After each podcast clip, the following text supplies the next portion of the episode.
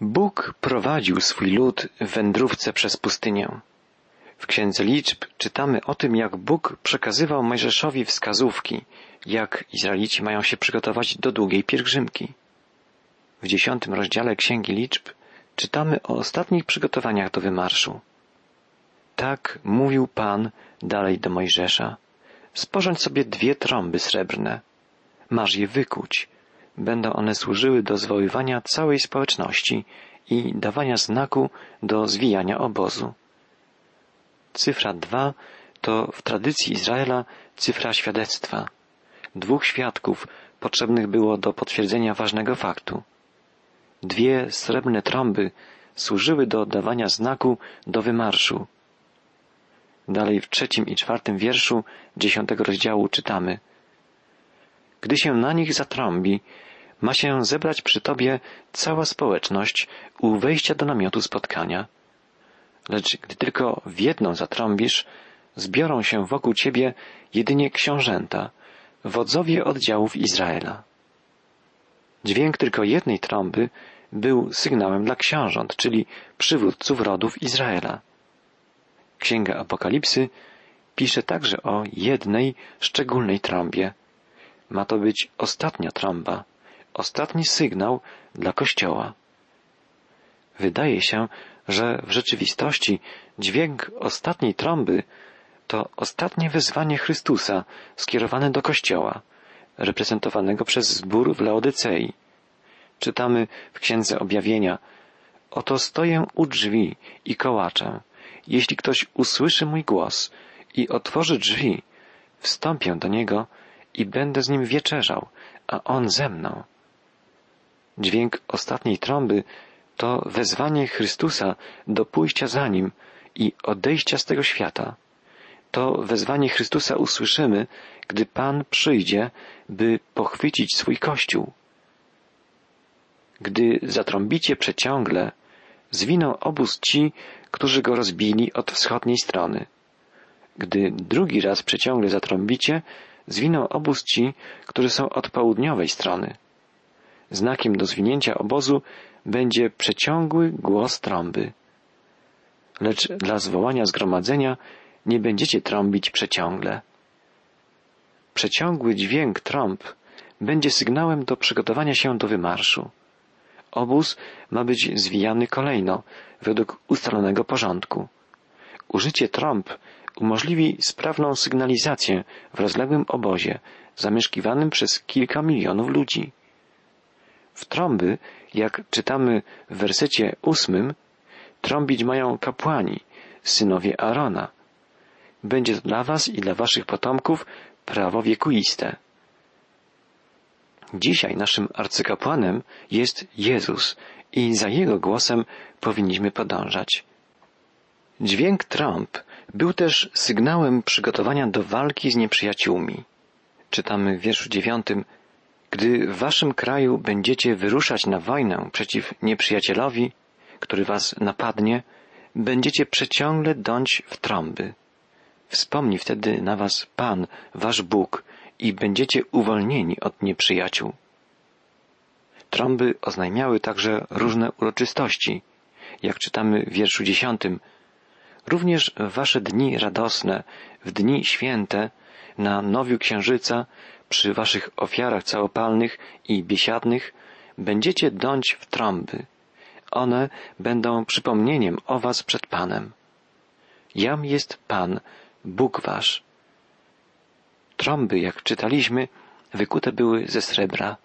Srebro symbolizuje odkupienie. W Starym Testamencie w jednym z proroczych tekstów Jahwe mówi, że wyceniono go na trzydzieści srebrników. Za taką sumę Judasz wydał Jezusa. Chrystus dokonał dzieła odkupienia. Każdy człowiek, który w Niego uwierzył, jest Jego własnością, jest człowiekiem odkupionym. Głos srebrnych trąb prowadził przez pustynię lud, który był własnością Boga. Bóg przypomina, Jam jest Pan, Bóg wasz.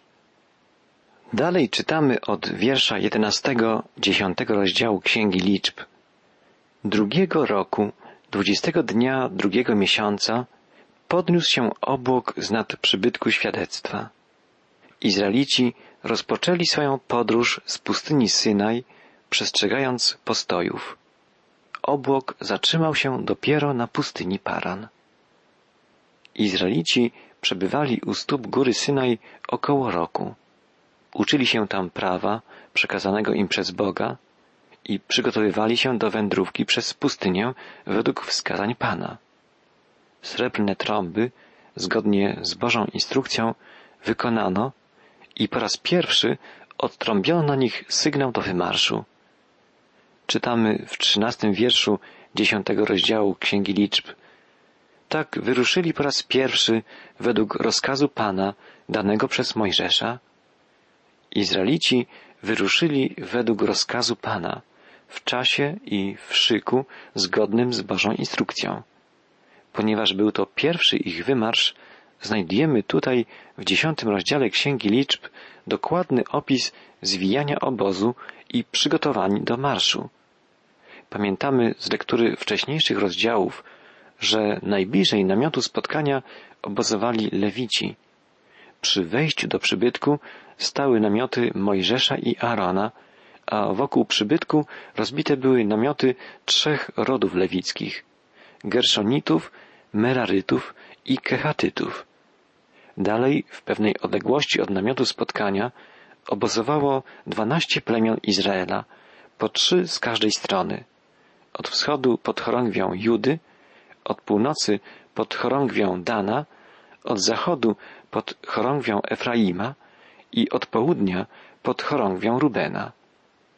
Gdy Mojżesz i Aaron dostrzegli, że obłok unoszący się nad przybytkiem podniósł się w górę, dali znak i zabrzmiały po raz pierwszy trąby. Jako pierwsi stanęli gotowi do wymarszu Mojżesz i Aaron oraz wszyscy kapłani, potomkowie Aarona. Stanowili oni zawsze czoło kolumny marszowej. Kapłani nieśli Arkę Przymierza. Tak więc Arka Świadectwa, skrzynia Przymierza, znajdowała się zawsze z przodu. Arka symbolizuje Chrystusa. To Chrystus jest głową Kościoła. To On jest Panem, za którym postępują wszyscy wierzący. Potem, jak czytamy, zadęto w trąby po raz drugi. Jako pierwsza z chorągwi ruszyła chorągiew synów Judy, obozujących od wschodu, a wraz z nimi plemiona Isachara i Zabulona. Za nimi ruszyli lewici z rodów Gerszona i Merariego, których zadaniem, jak pamiętamy, było niesienie najcięższych elementów namiotu spotkania. Desek cedrowych, obitych złotą blachą, z których zbudowane były ściany przybytku, okryć i zasłon namiotu, a także potrzebnego do mocowania przybytku osprzętowania. Gerszonici i Meraryci nieśli te elementy złożonego namiotu spotkania na ramionach. I znów zabrzmiały trąby. Ruszała chorągiew synów Rubena, obozujących z południowej strony przybytku. Wraz z nimi szły plemiona Symeona i Gada. Za nimi ruszyli Kehatyci, ostatnia rodzina Lewitów, niosąca wyposażenie namiotu spotkania, wszystkie przedmioty, oprócz Arki Przymierza, znajdujące się na czele pochodu. Wszystkie święte przedmioty były zawinięte i umocowane na drągach przez kapłanów, tak że kehatyci nie dotykali ich, tylko nieśli na drągach, na ramionach. Potem znowu rozlegał się głos trąb. Do marszu ruszyło plemię Efraima, a wraz z nim plemiona Manasesa i Beniamina. Ich namioty znajdowały się za przybytkiem od strony północnej. W trąby zadęto jeszcze raz i na końcu pod chorągwią Dana wyruszyły trzy ostatnie plemiona, biwakujące w północnej części obozu. Plemię Dana, Ashera i Naftalego. Możemy sobie teraz lepiej wyobrazić, jak zwijano obóz Izraela na pustyni i jak wyruszano do marszu. Mimo, że był to obóz ogromny, bo zamieszkiwało w nim, jak pamiętamy, około trzech milionów ludzi, przygotowanie do marszu przebiegało bardzo sprawnie i szybko. Wszyscy znali swój czas i swoje miejsce w tym niezwykłym przedsięwzięciu, a rytm wymierzało dęcie w trąby. Czy zauważyłeś, drogi słuchaczu, że głos trąb rozlegał się w czasie wymarszu ludu Bożego siedmiokrotnie? W księdze Apokalipsy czytamy także o siedmiu trąbach, w które dęto kolejno, podobnie jak w czasie wymarszu Izraela z obozu. Tych siedem trąb ma związek z dziećmi Izraela. W czasie wielkiego ucisku siedmiokrotne zadęcie w trąby spowoduje połączenie się wszystkich dzieci Izraela z różnych stron świata w ziemi obiecanej. Trąby dawały Izraelitom sygnał do wymarszu w czasie ich wędrówki przez pustynię i ich dźwięk będzie też sygnałem do powrotu z pustyni tego świata do Ziemi Świętej. Bardzo interesujące jest to, w jaki sposób pisze o dźwięku ostatniej trąby apostoł Paweł w pierwszym liście do Koryntian. W rozdziale piętnastym tego listu, mówiącym o zmartwychwstaniu, czytamy Oto tajemnicę wam objawiam. Nie wszyscy zaśniemy, ale wszyscy będziemy przemienieni w jednej chwili, w okamgnieniu, na odgłos trąby ostatecznej, bo trąba zabrzmi i umarli wzbudzeni zostaną jako nieskażeni, a my zostaniemy przemienieni. W pierwszym liście do Tesaloniczan apostoł Paweł pisze Sam Pan na dany rozkaz, na głos Archanioła i trąby Bożej stąpi z nieba. Wtedy najpierw powstaną ci, którzy umarli w Chrystusie, potem my, którzy pozostaniemy przy życiu, razem z nimi porwani będziemy w obłokach w powietrze na spotkanie Pana. I tak zawsze będziemy z Panem. Jak więc widzimy, dźwięk ostatniej trąby oznaczać będzie powtórne przyjście Chrystusa i pochwycenie Kościoła. W Księdze Objawienia apostoł Jan pisze W dzień pański popadłem w zachwycenie i usłyszałem za sobą głos potężny, jakby trąby, który mówił To, co widzisz, zapisz w księdze i wyślij do siedmiu zborów. A potem Jan pisze i obróciłem się, aby zobaczyć, co to za głos, który mówił do mnie. I ujrzałem siedem świeczników, a pośród nich kogoś podobnego do syna człowieczego, odzianego w szatę od stóp długą i przepasanego przez pierś złotym pasem. Głowa zaś jego i włosy były lśniące jak śnieżno-biała wełna, a oczy jego jak płomień ognisty. Oblicze jego jaśniało jak słońce w pełnym blasku. To też, gdy go ujrzałem, padłem do nóg jego, jakby umarły. On zaś położył na mnie swoją prawicę i rzekł, nie lękaj się. Jam jest pierwszy i ostatni i żyjący. Byłem umarły, lecz oto żyję na wieki wieków. Nie ma wątpliwości, że Jan pisze tutaj o Chrystusie przychodzącym po swój Kościół. I to Jego głos jest tak potężny, jak dźwięk trąby. To Chrystus, nasz wielki arcykapłan, nasz Zbawiciel, wezwie nas do siebie, wzbudzi nas z martwych, wzbudzi z martwych wszystkich, którzy Mu zaufali i przemieni wszystkich jeszcze żyjących tak, że będą do Niego podobni. Dla nas donośny dźwięk trąby Bożej to głos Jezusa Chrystusa, przychodzącego po swoją własność w mocy i chwale. W końcowym fragmencie dziesiątego rozdziału Księgi Liczb czytamy o rozmowie Mojżesza z jego teściem. Rzekł Mojżesz do Chobaba, syna Roela, Madianity, swojego teścia. Idziemy do kraju, o którym Pan powiedział, daję go wam, pójdź z nami, a będziemy ci świadczyć dobro, bowiem Pan przyrzekł dobra Izraelowi. Teść Mojżesza był Madianitą. Mojżesz zapraszał go, by wyruszył wraz z Izraelem do ziemi obiecanej. Możemy dostrzec w tej postaci przedstawiciela wszystkich narodów pogańskich. może on też symbolizować Kościół. Dzisiaj także jesteśmy obcymi i pielgrzymami na pustyni tego świata, ale znajdujemy się w drodze do ziemi obiecanej, do domu Ojca, w którym miejsce przygotował nam Jezus Chrystus. I my powinniśmy zapraszać tych, którzy nie znają jeszcze celu swej wędrówki przez życie, podobnie jak Mojżesz. Chodź z nami. Drogi przyjacielu, jeśli nie jesteś jeszcze Bożym dzieckiem, jeśli nie powierzyłeś jeszcze swego życia Jezusowi, możesz w każdej chwili to uczynić. Zapraszam Cię, chodź z nami. Chodź w ślad za Jezusem. Kiedyś usłyszysz Jego głos, potężny jak odgłos trąby. Jeśli nie poznasz Jezusa teraz, głos ten będzie dla Ciebie przerażający. Będzie już za późno, by dołączyć do Bożego ludu. Lud izraelski wyruszył spod góry Synaj w swoją długą wędrówkę po pustyni. Po raz pierwszy uniósł się z nad namiotu spotkania, stojącego w środku ich obozu, obłok chwały Pana, dając sygnał do wymarszu. I po raz pierwszy Izraelici wyruszyli w drogę, formułując pochód zgodnie z wszystkimi Bożymi poleceniami, przekazanymi im przez Mojżesza.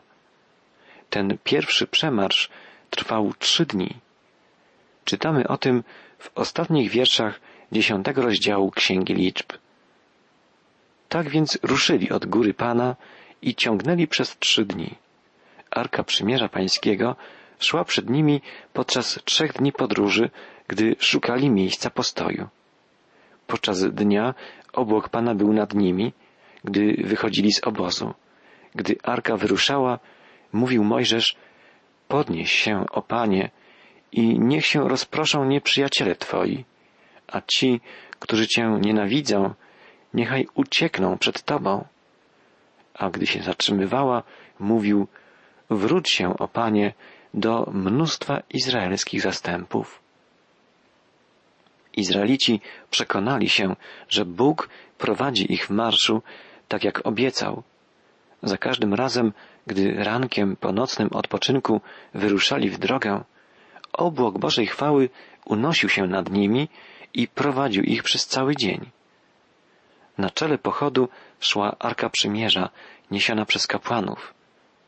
Gdy Arka wyruszała z obozu, Mojżesz modlił się, podnieś się, o Panie, i niech się rozproszą nieprzyjaciele Twoi. A gdy się zatrzymywała, mówił, wróć się, o Panie, do mnóstwa izraelskich zastępów. Prawdopodobnie Mojżesz modlił się w ten sposób za każdym razem, gdy lud izraelski rozpoczynał i kończył swój marsz. Jest pieśń, której śpiewamy Nim wyszedłeś dzisiaj z domu, czyś pomodlił się. Potrzebujemy Bożego przewodnictwa na każdy dzień. Dzisiaj chce nas prowadzić Duch Boży, Duch Chrystusowy, przebywający stale pośród nas i zamieszkujący nasze serca. Duch Święty chce nam wskazywać drogę, objawiając nam Bożą wolę, wprowadzając nas w prawdę Bożego Słowa. Drogę toruje nam sam Chrystus. To na Niego wskazuje Arka Przymierza. Dzięki Niemu możemy być uczestnikami nowego przymierza. Możemy należeć do Bożego ludu, Bożej rodziny. Ci, których prowadzi Duch Święty, są dziećmi Bożymi, czytamy w liście apostoła Pawła do Rzymian.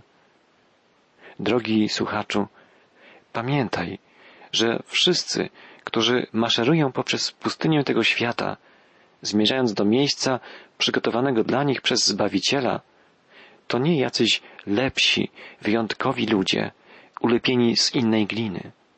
To grzesznicy, którzy zrozumieli, że giną. Jeśli nie uchwycą się wiarą Jezusa, zginą. Jeśli nie skorzystają z ułaskawienia ofiarowanego im przez Boga Ojca w Chrystusie, zginą.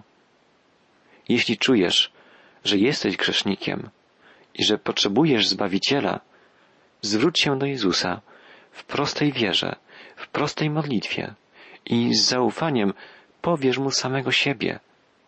Poproś, by Cię oczyścił i przemienił. Przyłącz się do naszego marszu. to nie jest marsz protestu, to marsz zbawienia, marsz odkupienia. Jest to marsz do Nowego Jeruzalem, marsz do nowego miasta pokoju, które zstąpi z nieba, jak gdyby wychodząc naprzeciw tym, którzy zostali odkupieni przez Jezusa. Jest to droga, po której oblubienica idzie ku swemu narzeczonemu, po której wierzący zmierzają ku Chrystusowi, aby na zawsze przebywać już z Nim, cudownym, ukochanym Panem i Zbawicielem.